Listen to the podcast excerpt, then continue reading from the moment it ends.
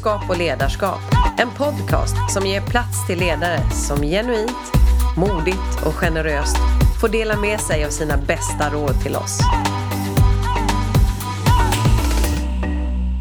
Jag sitter här med Jonas Morin. Du är ju eftermarknadssäljare och utbildare på Hogias El och VVS. Och dessutom en av de personer som vi ser och hör om när det gäller svensk basket. Och, och, du har sagt tidigare att du har sålt det hela ditt liv. Men innan vi pratar mer om det så vill jag veta, när du växte upp, vad hade du för bild av hur en ledare var egentligen? Eh, när jag nu ser tillbaka på det, det var ju klart att när man var eh, där inne i allt det här så kanske man inte uppfattade det på samma sätt. Men när man får reflektera över de ledare man har haft då innan man började arbeta eh, så var det ju de ledarna man hade inom idrottslivet. Mm. Eh, och jag eh, höll på med simning, jag höll på med friidrott, jag höll på med basket. Eh, simning, eh, alltså jag är ju 204 lång, jag skulle kunna bli en rätt bra simmare tror jag. Ah. Eh, jag vet att jag hade lite så här, rädsla för att dyka. Eh, så att för att inte landa på magen så dök jag väldigt långt ner innan jag sen kom upp till ytan och då mm. ligger man ju lite efter. Mm. Eh, så att eh, där var det nog mer så att jag hade nog ingen som kunde tackla den där och få mig att ja, hitta modet att liksom, göra saker och ting rätt och känna tryggheten i min simning. Mm. Där, därför tror jag att, så där har jag liksom ingen, ingen ledare jag ens kommer ihåg. Så. Eh, inom friidrotten, eh, den var ju väldigt så resultatorienterad och så länge du liksom presterade och gjorde bra resultat, eh, då, då var det liksom okej. Okay. Eh, men minnet där är av att eh, jag höll ändå på med friidrott kanske i 8-9 år och sen en, en vacker dag när jag inte kom till träningen så frågade de mig, alltså, okay, har du lagt av? Ja, jag håller på att testa med basket. Okay. Sen, och det var det sista samtalet jag fick. Eh, och då har man ändå lagt 8-9 års liv där och skulle kunna blivit en tränare, jag kunde blivit liksom någonting annat då. Mm. Inom basketen så var det mer så att jag kom in där som ett yrvärde och var inte speciellt bra kan jag säga. Eh, började med det väldigt sent. Men jag hade en otroligt glad lagledare mm. som såg alltid något positivt i det vi gjorde. Eh, vi, till och med, vi blev utnämnda i Smålandsposten då som Sveriges sämsta basketlag. Förlorade alla matcher med minst 70 poäng. Oj. Och då fanns det inte ens trepoängare. Eh, men efter en match så kunde han liksom komma in i omklädningsrummet och vara hur jävla glad som helst och säga att shit alltså, det, såg du han eh, Andy där, vilken trepoängare han satt eller vilken tvåpoängare. Och han tog två returer. Och han, hur kunde du missa de där två straffkasten? Och, alltså han hittade alltid någon liten kul grej. Mm. Så efter vi hade förlorat med matchen med 70 poäng så gick vi ändå ifrån där liksom, eh, matchen med ett leende. Mm. Och det gjorde ju liksom att vi tyckte att det var kul. Mm. Det var ingen som la av fast vi liksom var sämst i Sverige. Utan, eh, och det var liksom min ingång till basketen.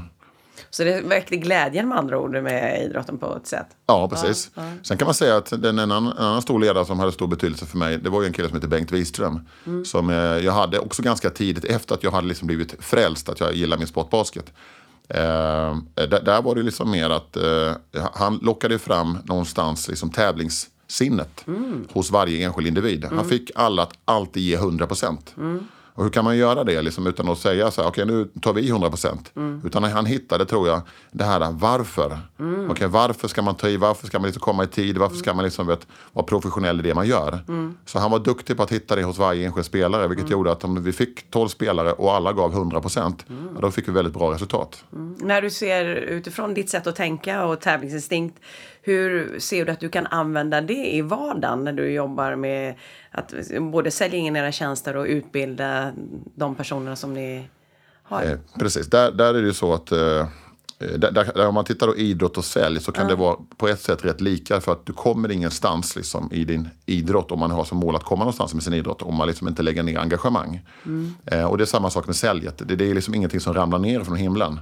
Utan du måste prestera, så du måste göra det måste vara action. Eh, så det finns inte heller där liksom några genvägar. Eh, så där eh, hittar jag liksom rätt mycket likat oavsett vad man säljer. Jag har haft restaurang, då säljer till dina kunder. Jag har haft försäkringar, då säljer liksom till eh, personer på olika typer av företag. Jag har varit aktiemäklare, liksom jag säljer till folk som vill tjäna pengar. Eh, jag håller på med basket, jag säljer till eh, föräldrar som vill att sina barn ska liksom vet, hålla på med basket. Och nu säljer jag liksom till rörmokare och hantverkare som behöver ett verktyg för dem för att eh, kunna klara av sin verksamhet. Mm. Eh, och, och, där är all sälj samma sak. Mm. Jag ser likheter att eh, du måste vara glad. Mm. Eh, måste komma till ett leende. Du måste liksom ha ett öppet sinne. Mm. Att du faktiskt vill hjälpa den här personen. Mm. Eh, de ska känna att du är som dem. Mm. Eh, du ska kunna vara pålitlig, du ska kunna vara ärlig. Mm. du ska kunna stå för eh, om du gör fel. Eh, Så där ser jag liksom oavsett eh, om jag kommer med rutten lax liksom, i min livsmedelsbutik. Ja, sorry, liksom, det var en dålig lax. Liksom. Eh, det- Jag köper en ny dubbelt så stor till dig imorgon. Till att jag då liksom levererar ett program och det var något fel i systemet. Eller mm. något missförstod i hur det funkade. Så måste man liksom vara ärlig med att eh, säga att eh, Men jag tror säkert du har hört den här kommentaren också ibland att liksom, ja ja men sälj, de säljer på och sen så när vi kommer och levererar så har sälj överlovat och sen så och då blir det ju på något vis att det är kunden som sitter emellan att de känner att ja men ni sa ju att jag skulle få det här och sen så blir det inte så. Hur, har, har du hamnat i de situationerna och hur i sådana fall löser du det? Eh, I mitt fall så har det varit så att, eh, eh, och det är inte säkert inte så riktigt det funkar på större företag, för där är det säkert så att du har utpräglade säljare, du har utpräglade driftsättare. I mitt fall, jag är både och. Så jag vet att eh, jag kan säga till en kund, så okej, nu står jag här idag och talar om för dig vad den här lösningen kommer ge dig. Min, min utmaning är att i, imorgon så kommer du se mig här igen. Jag måste utbilda i det jag nu säger.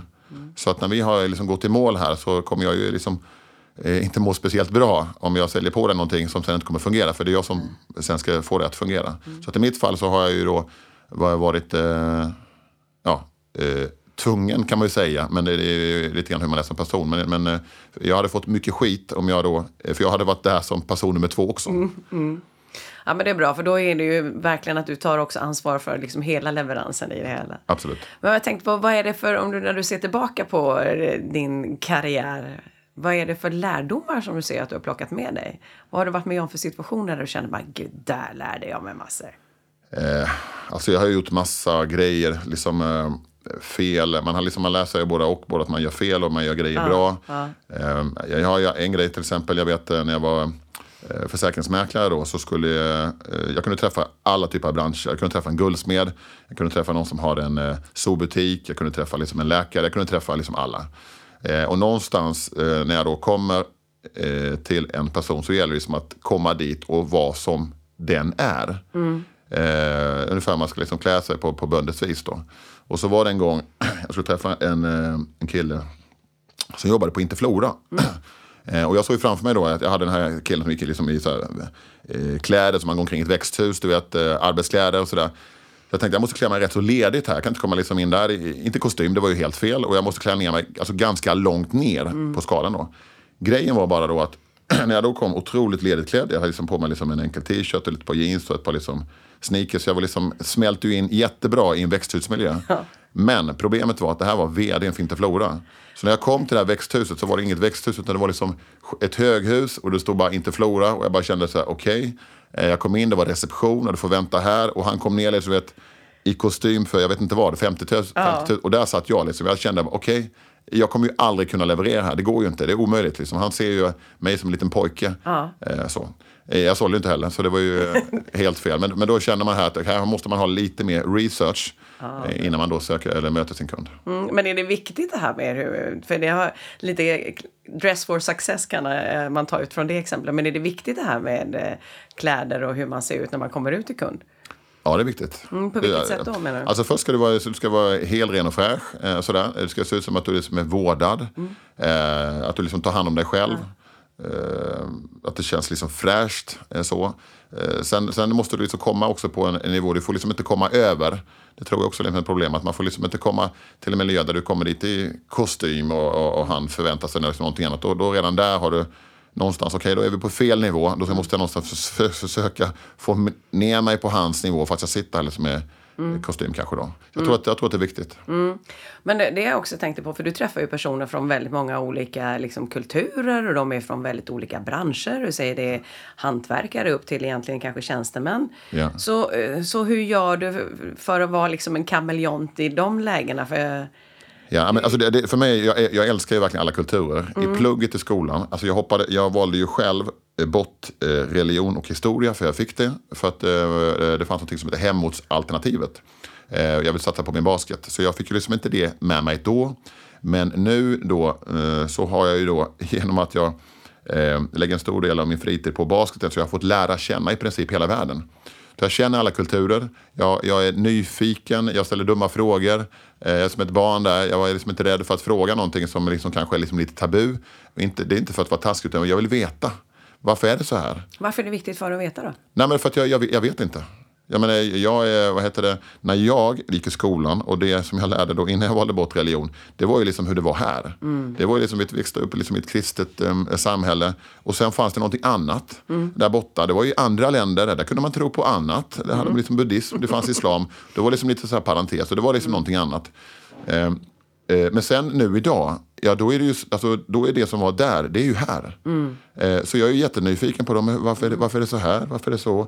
Jaha, och, och det utmanar ju mina sanningar. Mm. Jag är uppväxt med någonting som jag då har ett, alltså, trott på kan man säga på ett sätt. Mm. Eh, men jag är inte dummare än att jag liksom kan byta sanning. Mm. Så det är ju sanning för mig. Men om jag får ha en annan sanning så kan jag ju så ta in den och tycka att Ja, du har faktiskt rätt eh, här. Du är helt rätt. Jag, mm. jag fattar. Mm. Och jag, kan få först, jag får en förståelse för hur saker och ting är. Alltifrån mm. att, eh, eh, alltså, uppe på världspolitisk nivå mm. eh, till att, att det kan vara spänningar. Jag kan förstå, jag, jag, kan inte, alltså på ett sätt kan jag inte förstå det för att jag menar, det är människor, människor bara vill prata med varandra så det är inget problem. Men jag kan också förstå liksom att det kan uppstå om man inte pratar. Mm. På vilket sätt har du användning för det här när du är i ditt säljjobb? Då, att du... Därför att nu är det så att, menar, nu har jag jobbat i, min, i det här yrket nu i 15 år. Mm. Eh, och det var så att eh, det här är liksom ett klassiskt generationsyrke, hantverkeriet. Det är liksom min pappa, min farfar. Mm. Alla har liksom gått liksom stöpta i den här formen. Eh, och eh, de utländska influenserna har varit rätt så få. Det har varit någon enstaka liksom polack här och där som gjort enklare tjänster. Men nu kommer det in till Sverige jätteduktiga yrkesarbetare som är på tårna, som kavlar upp armarna, där chefen är Gud och som vill på något sätt liksom prestera. Och de här kommer från miljöer, de kommer från Turkiet, de kommer från Uzbekistan, från Georgien och allt det här och, och eh, ta med sig. Och då är det ingen skillnad på de där som jag möter där som jag möter i min basket. Mm. Så då är det så att om de kommer från liksom ett land, ja men vet du vad, jag har en liten, liten pojke i mitt lilla lag som är sju år gammal. Vet du var han kommer ifrån? Han kommer exakt ifrån mm. ditt land sen. Mm. Och han berättade för mig mm. någonting. Ja, ja, och så kan vi liksom någonstans mm. connecta. Mm. Så att eh, jag tror att eh, det handlar också om att ha en förståelse för inte bara eh, hans egen verksamhet utan en förståelse för mm så var man kommer ifrån. Och, eh, så mm. det, det mötet det blir, det spännande, att man känner att man är på samma nivå, vad, vad man liksom tror på mm. Eh, och allt det där. Då. Jag hör ju att du är extremt nyfiken på människor och också får människor att öppna sig. Ja. Så du, du, får ju snabbt förtroendet från andra till att liksom veta mer. Och jag tänkte på, om du tittar igen då, vad är det fler för lärdomar som du har dragit med, dragit utifrån din, ditt sätt att arbeta? Eh, nej, men sen är det också liksom när, man, när man då säljer från början så eh, eh, var det väl också så att du måste liksom förstå när du kanske inte ska sälja till en kund. Mm. Du, du, kanske ser en lösning men som du ser att det här är inte liksom det bästa för kunden. Då måste du backa. du kanske också måste se att det här är en kund som han inte är, han är inte, liksom, han, han är inte mogen att fatta beslut. Mm.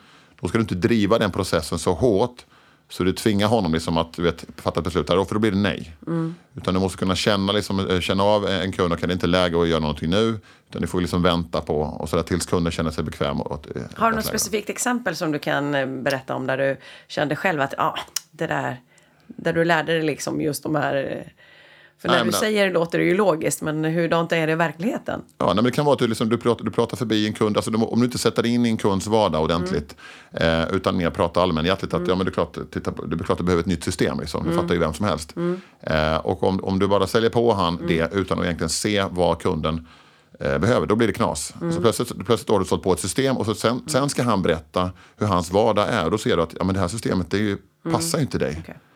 Eh, så det är mer så att du, eh, då känner man sig misslyckad som, som säljare då, att du inte gjort mm. ditt, ditt grundjobb då. Mm.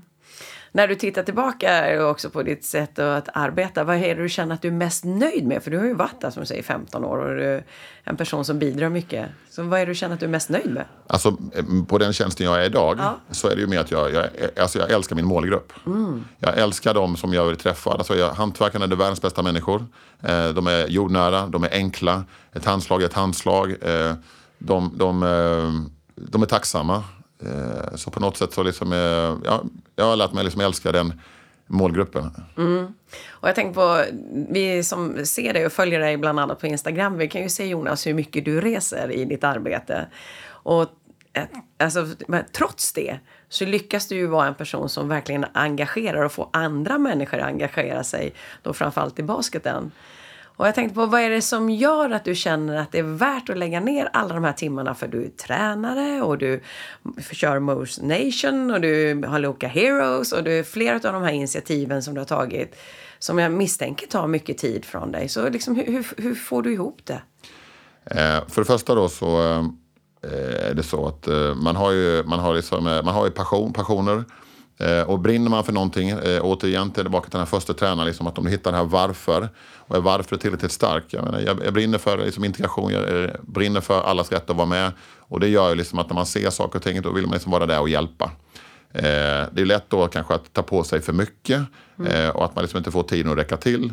Men, men det är ju så att eh, du kan ha haft liksom en arbetsdag och så kommer du in i en baskethall där det är liksom 40 stycken småungar som står liksom och plirar med ögonen. Då är inte det så att det tar energi utan det faktiskt ger energi. Mm. Så jag tror att mixen av att man inte gör samma sak utan ja. att man gör flera olika saker gör liksom att du får helheten att gå ihop. Mm. Fastnar man med och gör monotont en och samma grej hela tiden mm. då kan det bli så att du fastnar där, liksom, du kommer inte vidare. Mm. Eh, så, så, det, så det är en grej. Och sen är det den andra grejen, det är också att om du ska liksom palla med och göra grejer så det är vissa grejer, basala grejer som du bara måste sköta.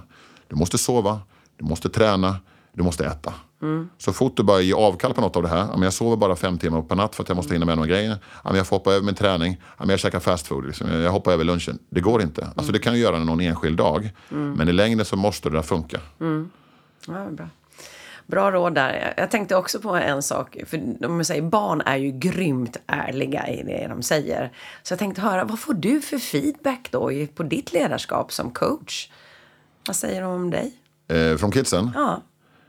Eh, ja, men kidsen, de, de är ju liksom, eh, jag är som en stor bebis själv. Eh, så jag är ju bara liksom, eh, men med de små så är man ju liksom en lekledare. Mm.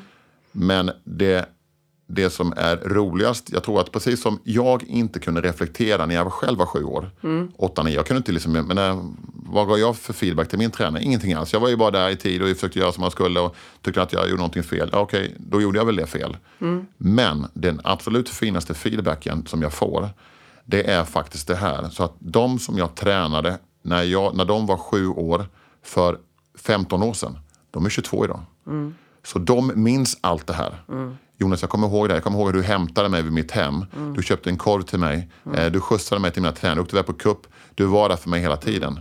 Det kan jag säga, det är den, bästa, det, det är den bästa grejen. Mm. Och att jag då aldrig har exkluderat någon, utan mm. alla har fått chansen att vara med. Mm. Ingen har blivit bänkad. Mm. Alla har fått vara med liksom på allt det vi har gjort. Mm. Och då har jag tänkt mig motsatsen. Tänk om jag hade liksom då mött den här eh, spelaren mm. som plötsligt var 10 då, som är 22 nu. Han möter mig, tittar mig i mina ögon och han tänker då, det är den där jävla coachen. Han satte mig längst ner på bänken. Och det är liksom en, en, en, en, en eh, kanske en framtida ledare. Mm. Någon som jag faktiskt ska göra affärer med. Ja, eh, som mina barn kanske kommer jobba hos. Mm. Vad kommer han tänka då? Mm. Men om man då alltid varit öppen och ärlig och gett alla chansen. Då har ju liksom, det, det, det här är ju eh, ja, min investering som jag säger till en bättre värld. Mm. Bra. Och det är ju viktigt som sagt för de ledare som vi träffar på som yngre, de sätter ju verkligen ett, ett märke i oss som, eh, när vi, i vår uppväxt också och påverkar oss. Eh, jag tänkte på när du, du jobbar, för nu har du ju många olika projekt som du driver igång. Mm. Och då, ungdomarna är ju en sak att engagera och motivera. Det är som du säger, där, det kanske är lättare liksom att få det engagemanget. Men hur upplever du det i de här organisationerna och de här föreningarna som du arbetar och är aktiv i? Hur känner du, hur får du igång engagemanget där? jag tror det är så här, det, det, är, det är samma sak där oavsett vad man gör. Så engagemang för engagemang. Mm. Du behöver inte ha svaret på alla frågor innan. Utan det är mer bara så här, typ att, ah, okay, vi går ut och kör. Mm. För att, eh, vad heter det, går man ut och kör då får man liksom med sig någon. Menar, hur skulle man ha hittat den personen annars? Mm. Eh, för engagemang smittar och, och, eh, det säger man ju, men det är så på riktigt. Mm. Om man kopplar då det till företagskultur, för många företag lägger ju ner extremt mycket tid och fokus på att just att skapa medarbetarengagemang. Ja. Märker du att man kan föra över det lika enkelt ja. i en verksamhet? Absolut, ja. det är samma sak där. Har du något exempel? Eh, nej men det, det liksom smittar på ditt sätt att vara. Eh, alltså du vet, ser allting med, med, du tar det inte med klackspark men du ser det från den ljusa sidan. Mm. Det kan få folk att känna sig mer tillfreds, eh, bli mer positiva till sitt arbete. Men känner du själv att du gjorde det? Om du tittar tillbaka de senaste veckorna, var du i en sån situation där du kände att det... Ja, men... Ja, men du vet, det, det är vardagsgrejer, det behöver inte vara stora grejer. Nej, ge mig ett exempel. Det, det, kan vara liksom att man eh, vad heter, kallar någon ett smeknamn, eller liksom att man uppmuntrar någon till det, någon har löst en grej. Eh, fan vad grym du var, du löste den här grejen. Mm. Eh, Alltså, små grejer. Mm. Och det är det som menar du som skapar då medarbetarengagemanget också, eller? Ja, precis. Ja. Jag, jag minns min mormor, hon var fantastisk på det här. Liksom. Hon kunde liksom ge en människa som man inte ens alltså, de, de känner inte ens varandra, men hon kunde hitta liksom någonting och ge beröm till en människa som gjorde en, en, en uppgift. När vi skulle åka buss en gång så kom hon eh, till busschauffören och så sa hon så här, vet du vad, du ser trött ut, här får du en banan. Och det är inte så att det var inte hennes kompis brorsa eller någon släkt eller något sådär. Det var en helt vanlig människa som hon tyckte såg lite sliten ut. Det är klart du ska ha en banan. Mm. Och, och sådana små grejer, det är klart det gjorde hans dag. Han blev säkert jättepositiv av mm. den lilla grejen där och då. Mm. Och det har liksom färgat mig också. Min mormor var väldigt speciell på det sättet och, och liksom kunde ge feedback i situationer där liksom, du vet, eh, i mötet med människor. Och mm. Du behöver inte känna personen utan du kan ge någon en upplyftande kram eller en upplyftande blick eller, mm. eller någonting bara. Jag tänkte på de kunder som du möter, vad upplever du att de har för utmaningar idag? För det som säger teknikutveckling och det, allting, vi pratar om att det går så fort och så ja, vidare. Hur, hur, vad upplever du är din, dina kunders största utmaning? Nej, de har, de har jätteutmaning. Därför att de är utbildade hantverkare. Ja. Eh, och är man utbildad hantverkare och driver ett företag så kan man inte bara liksom sätta upp toaletter. Eh, utan du måste ändå sköta din administration. Mm. Så de tvingas då vara företagare samtidigt som de måste vara hantverkare. Mm. Och med företag kommer administration. Och det är väl då deras äh, heter det, utmaning att bli, mm. de måste även vara duktiga administratörer. Mm. För jag tänkte på, där kommer ju kanske din också eh, förmåga att verkligen se vad de är bra på och också till hjälp i att kunna se på vilket sätt du kan hjälpa dem. Ja, då blir jag, liksom, jag blir mellan. Här borta ja. så levererar vi ett affärssystem. Mm. Och affärssystem för dem kan vara grekiska. Mm. Eh, här borta har vi de här eh, enkla personer mm. som liksom gör ett grymt hantverk. Mm. Då måste jag ju, jag måste ju hitta, jag måste ju vara här mm. På honom och försöka få honom då att komma in i den här världen. Så det är ju mm. liksom att leda honom eh, liksom in i, i eh, en värld att jobba mer digitalt, att mm. jobba mer med mobila tjänster till exempel. Och han ska känna sig trygg med det. Mm. Och där kan jag tänka mig att du precis som jag möter personer som blir lite rädda för eh, Kanske om det är teknik, att man är rädd för att göra fel Absolut. eller att man, det ska vara på ett visst sätt. Hur gör du för att få liksom, locka förbi de här ja. rädslorna? Vad har du för bra tips när det gäller det? Ja, men jag, jag säger att jag fattar det. Jag, fatt, jag fattar att det här, alltså, någonstans, jag, jag förstår att det här känns jättejobbigt. Man har gjort på ett sätt väldigt länge. Och nu liksom, men samtidigt så ser jag ju också hos dig att det kittlar. Du, du inser typ att fan, jag måste gå den här vägen. Mm. Jag menar, byter man från vänstertrafik till högertrafik, ja, då måste jag ju köra, annars så smäller det ju. Mm. Eh, och, och det, det, så det beslutet förstår jag att du sitter med. Men samtidigt så tänker man så okay, hur ska jag komma dit då? Mm. Och jag förstår det liksom. Mm. Och då gäller det liksom då att försöka förklara att okej, okay, det här dit vi vill må, alltså, okay, det kan vara en vision. Liksom, vi ska mm. bestiga det där berget, men det är inte där vi börjar. Utan vi tittar på hur vi jobbar här, här, eh, här idag. Mm. Och då kanske jag hittar två grejer. Vet du vad? Om vi ändrar på de här två grejerna. Mm. Då, kanske vi kan, då tar vi ett steg i riktningen mot det där målet. Mm. Och det kan de köpa då. Ah, okay. Så jag kan, inte, jag kan inte leverera mm. 38 grejer vi ska göra. Utan kanske leverera, vi gör de här två grejerna. Mm. Och sen vi, så kommer vi tillbaka, känns det bra? Okej, okay, perfekt. Ska vi ta nästa steg? Känns mm. det bra?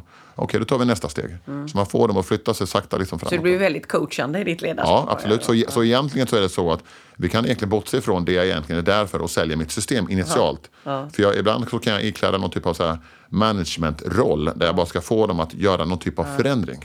Eh, så, och, sen, och sen då när vi har kommit dit, okej okay, då kan vi ta fram mitt verktyg här mm. för att komma till målet. Mm.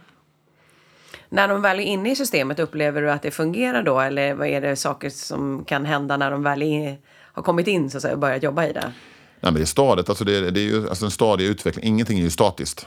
Utan, utan att, eh, så att egentligen så handlar det då om att eh, få kunderna liksom hela tiden ta nya steg framåt. Mm. Det som är för, för min del nu i branschen så är det lite sådär att vi har ett generationsskifte. De som har jobbat väldigt länge i kåren och så har du de som är liksom längst fram. Mm. Så vi, vi har då i det här teknikskiftet så har vi de som är absolut längst fram och vi har de som är absolut längst bak. Mm. Förut då för tio år sedan, då var ungefär alla i samma folla. Mm. Då kunde man mer som fåraherdar lite grann. Okej, okay, nu tar vi ett steg framåt allihopa och så, och så gör vi det.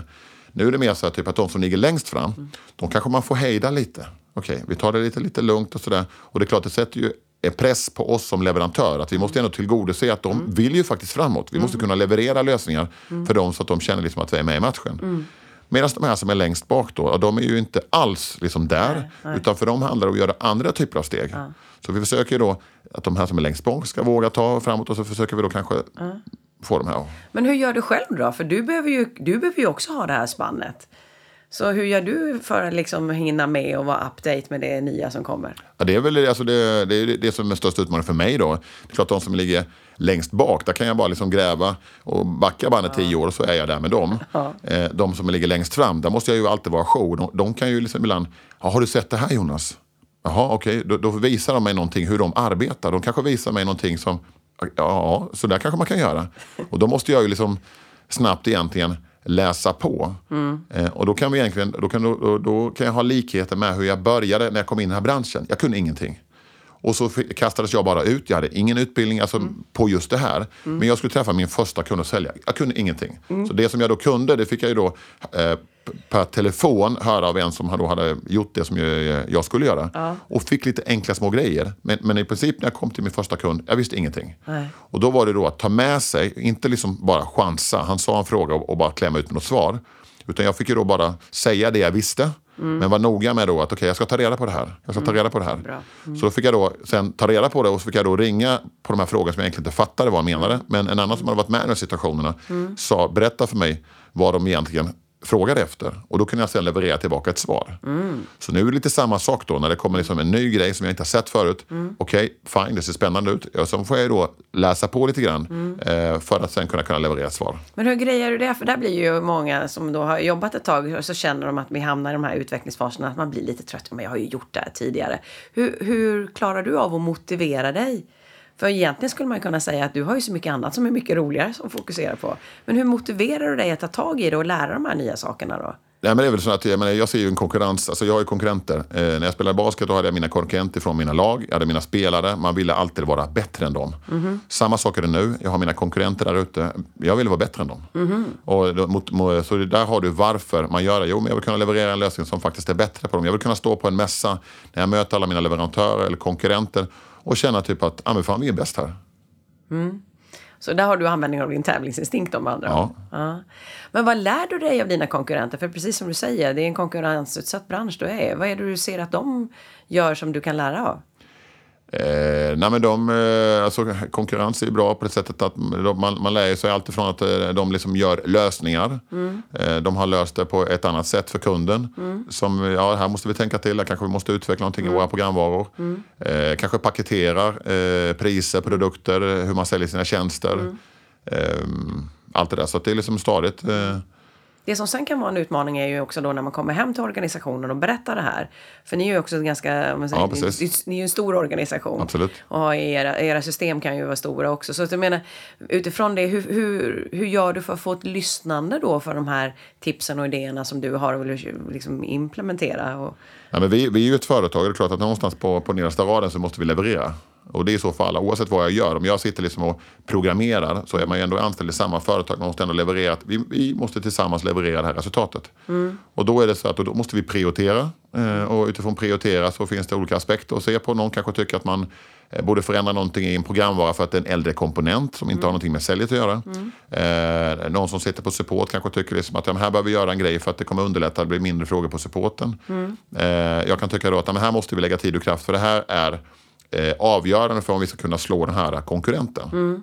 Så att det, i det läget så gäller det också ha förmågan att samtala och att man har förståelse för varandras verksamheter. Jag kan inte komma med 27 önskemål och skita i det, vad de säger på supporten. Mm. För jag förstår att det är en del av deras vardag. Mm. Så där måste man också ha en förmåga liksom att jämka och, och, och förstå förståelse för varandras situation och allt det där. Mm. Det är viktigt. Det, det är som ett lag. Mm, och det är som säger, en av de sakerna som vi har alla som krav på oss, det är ju att leverera resultat. Och jag menar, hur funkar det för dig då? För jag menar, din chef ser ju att du är engagerad i alla de här olika Alltså, du är tränare och du har familj och du reser i det jobbet och du, samtidigt har du basketen. Så hur, hur, liksom, hur får du ihop det?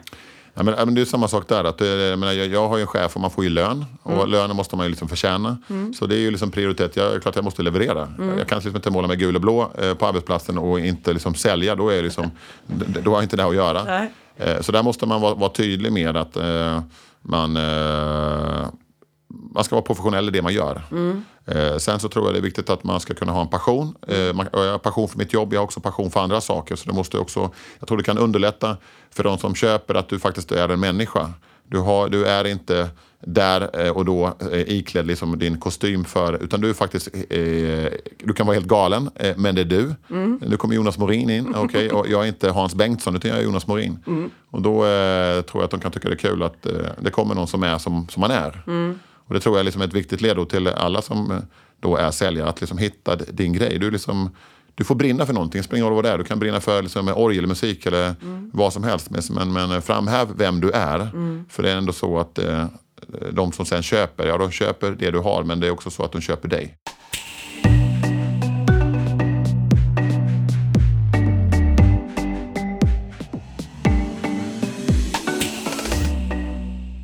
Och jag tänkte på om du, om du skulle ge råd då till de som är lite yngre som inte har kanske jobbat så många år och har liksom, kan på något vis vila lite i att vi vet att det funkar. Vad skulle du ge de personerna för råd? För det är som du säger, det är viktigt att vara sig själv men det är inte så jäkla lätt att vara det. Nej, precis. Jag tror man kan vara liksom, eh, jag tror man ska vara lite naken alltså för sanningen. Alltså mm. inte försöka klistra på någonting det du inte är. Har du provat det? Du berättade det här exemplet med kläderna. Eh, men har du något annat tillfälle som du kommer ihåg där du känner att du gick in och det blev fel utifrån att du försökte vara någon du inte är? Eh, mitt problem är nog att jag alltid varit den jag är. Grejen är bara då att eh, något negativt då med det.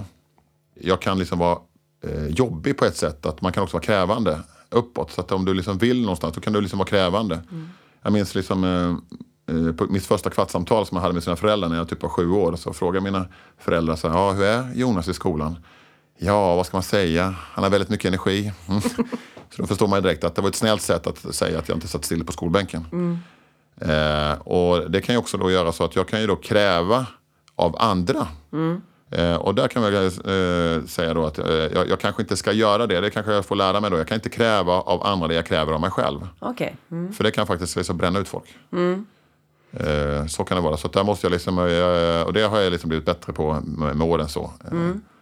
Mm. Men om man då tittar utifrån ledarskapsperspektiv, om man har medarbetare som du som har mycket passion och mycket energi och som vill göra bra och jag hör använder det här med tävlingsinstinkten för att skapa resultat. Vad är det viktigt att tänka på utifrån ett ledarskapsperspektiv när man har en sån person i, sin, i sitt team?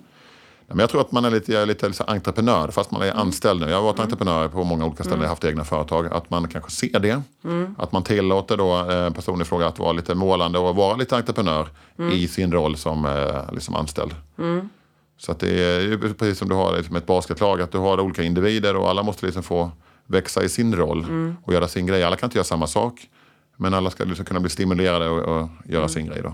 Utifrån att du har jobbat så många år som du har, eh, som 15 år nu på det här senaste jobbet. Märker du i din tur att ledarskapet har ändrats lite? Är det fortfarande lika kontrollerat på siffror man följer upp och så vidare eller är det lite friare? För det känns ju på något vis som att vi är ett skifte i ja, hur precis. ledarskap ska vara. Precis. Jag vet inte. Alltså jag kan tycka att det, man ser tillbaka så är det väl så här på olika personer som har eh, varit bra ledare i förhållande till, eh, jag kan inte riktigt säga om det är tiden eh, som har spelat roll. Jag kan hitta någon där, någon där och någon var på 90-talet och någon var på liksom mm. 2000-talet och någon var liksom nu då. Mm. Eh, men eh, eh, jag kan ju se liksom att det finns bra ledare. Jag kan se att det finns dåliga ledare. Mm.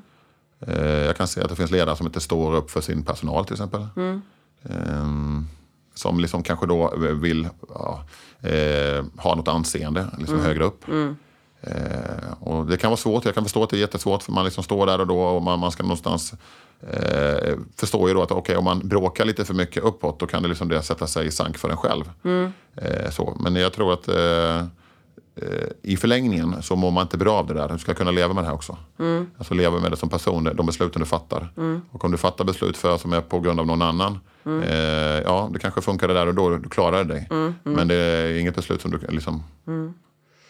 Men du, det som säger, du är en person som eh, gör avtryck hos många yngre och de kommer tillbaka till dig eh, om man säger, år efteråt. När du, när du ser dig själv, ser du dig själv som en förebild? Eh, jag försöker ju. Mm. Eh, Vad kommer med paketet av att vara en förebild? För du som sagt var, det är många som tittar på dig och inspireras av dig. Nej men alltså du måste eh, du, du, måste liksom alltid försöka göra rätt. Alltså du måste vara, igen, eh, ärlig. Du måste vara där. Mm. Uh, igen, erkänna du har fel. Alltså, bara för att du är förebild är du inte perfekt. Mm. Jag är precis som alla andra, jag kan göra fel. Mm. Och gör jag fel så, så står jag för det. Um, Så, att, så jag tror någonstans ärlig i sitt uppsåt. Så kan man säga. Och det går ju tillbaka till vem du är och vilka värderingar du har egentligen som person. Så hur hjälper du andra då som kanske hamnar i, för ibland kan man ju säga en nackdel med att som vi kan uppfatta som svenskar som lite konflikträdda, det är att vi faktiskt inte blir ärliga för vi säger inte riktigt vad vi tycker och tänker. Hur gör du där när du träffar personer som du märker liksom håller tillbaka eller kanske inte är fullt tydliga med hur situationen är? Hur hjälper du de personerna? Eh, alltså, eh, det kan ju vara så att alltså jag är rätt stark för vad jag står för. Eh, sådär. Men, men jag har ju inte liksom, jag kan inte pådyvla någon att det här måste du tro på. Nej.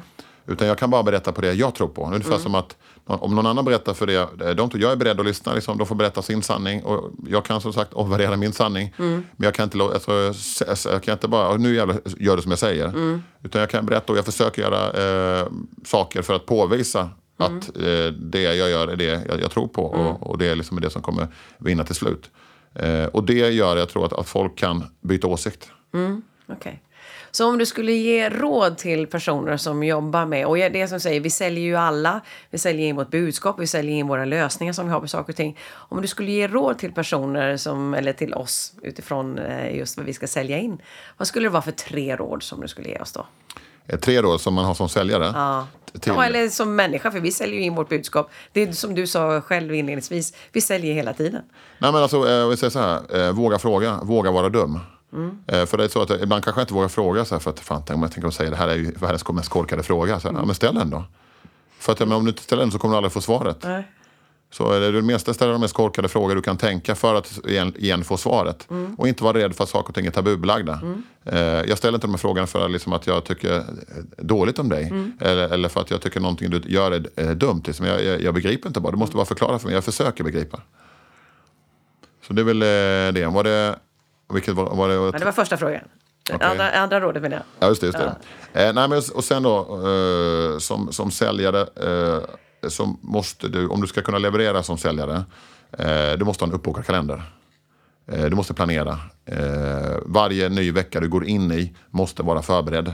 Du kan inte komma till en måndag och säga, ah, vad ska jag göra den här veckan?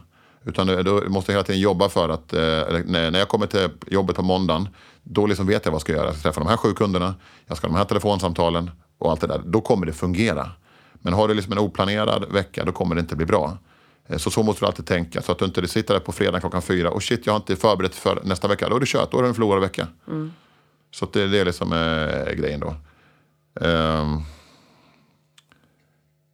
då har vi två va? Ja. Och det tredje hade ju varit eh, bra, tänker jag, om vi tar det här med, att, med det här med passion och engagemang. Och vad har du för råd för, för oss att få ihop det? För du har ju som sagt var, du brinner för det du gör och du brinner för basket, ditt jobb och din... Ja men okej då, Eh, så här. Eh, eh, hitta den andra grejen som ska balansera ditt liv. Det tror jag. För att, eh, ja det, hitta din grej, vad brinner du för liksom? Och jag kan, jag kan förstå, för jag har själv varit där, eh, där, där jag inte hittar mitt varför. Eh, och hittar inte mitt varför, det är jävligt jobbigt. Som till exempel, jag kan ta min, min träning till exempel. Och här är det så att, här tränar jag nu för att jag vet att jag måste träna för att jag ska må bra. Men jag tränar inte för jag har inget mål med min träning och det stör mig. Eh, innan när jag spelade basket var det så tydligt att jag tränade för att jag vill, vill bli så här stark, jag skulle springa så här fort, jag vill slå det där laget, jag skulle bli bättre än den här spelaren. Jag har inte det längre. Eh, men, men jag är tillräckligt disciplinerad så att jag går ändå och tränar. Eh, jag har hittat nu att eh, jag blir faktiskt eh, motiverad när jag tränar med mina barn. Ja, precis. Så det, så det är mitt varför eh, till att jag tränar. Liksom, att jag vill också vara med och må bra för dem och finnas liksom där för, för lång tid. Eh, men jag tror att man, man måste hitta en sån grej som balanserar livet i övrigt. Men, men eh, eh, det kan vara vad som helst. Liksom. Jag kan gå och gilla gå ut i skogen, jag kan umgås med vänner eller någonting. Eh, det är det grejen då. Och sen, eh, jag vet inte nu, jag kan gå in på fjärde grejen då. Eh, och det är väl att, att, att göra de här grejerna som jag sa. Sova, äta, träna. Det går inte liksom att, okej om jag inte gillar att sova, ja du måste sova. Om jag, ja, men jag är inte hungrig på morgonen, ja men du måste käka. Du måste lägga, liksom, lägga planeringen för att äta ordentligt för annars så kommer du gå sönder. Eh, inombords eller någonstans. Och du måste träna liksom, för att hålla ihop. Du får aldrig göra avkall på det. Man kan i tider av stress eller man ska leverera någon deadline eller vad som helst. Okej, man kan sova en natt liksom, vet, fyra timmar. Det är liksom fine. Men du måste se att okej, imorgon så ska jag sova åtta timmar. Du kan inte leva på att sova fyra timmar. Bra. Tack så mycket. Tack.